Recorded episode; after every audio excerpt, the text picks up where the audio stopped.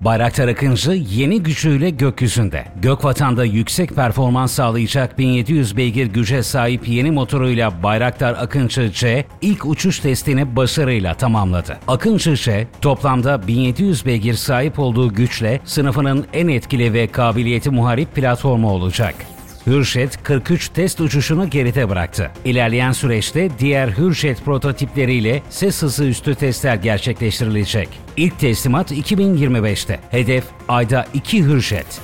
Türk radarları ISS'i tespit etti. Aselsan'ın hava savunma sistemleri için geliştirdiği radarlar, Türkiye'nin üzerinden geçen Türkiye'nin ilk astronotu Alper Gezer Avcı'nın da yer aldığı Uluslararası Uzay İstasyonu'nu ISS'i tespit etmeyi başardı.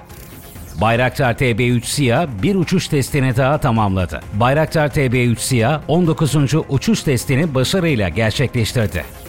TF-2000 Hava Savunma Harbi muhribinde yeni detaylar. Proje başlangıcında 32, sonrasında 64 olan Midlas dikey atım sistemi hücre sayısı son tasarımda 96'ya çıktı. 166 metre olan uzunluk 149'a ve 8500 ton olan deplasman 8003'e düştü.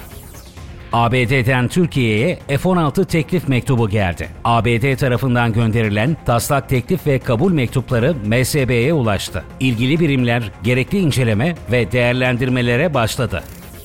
Malaman patlatıldı. Malaman deniz mayınının tam ölçekli patlatma provası başarıyla gerçekleştirildi. Deniz kuvvetleri envanterine girmesiyle dışa bağımlılığı sona erdirecek. Tolun ve Sadak 4T ile 4'te 4. Aselsan tarafından geliştirilen oyun değiştirici güdümlü mühimmat Tolun, dörtlü olarak akıllı salan Sadak 4T'den atıldı. Tolunların tamamı aynı anda hedeflerine tam isabetle vurdu.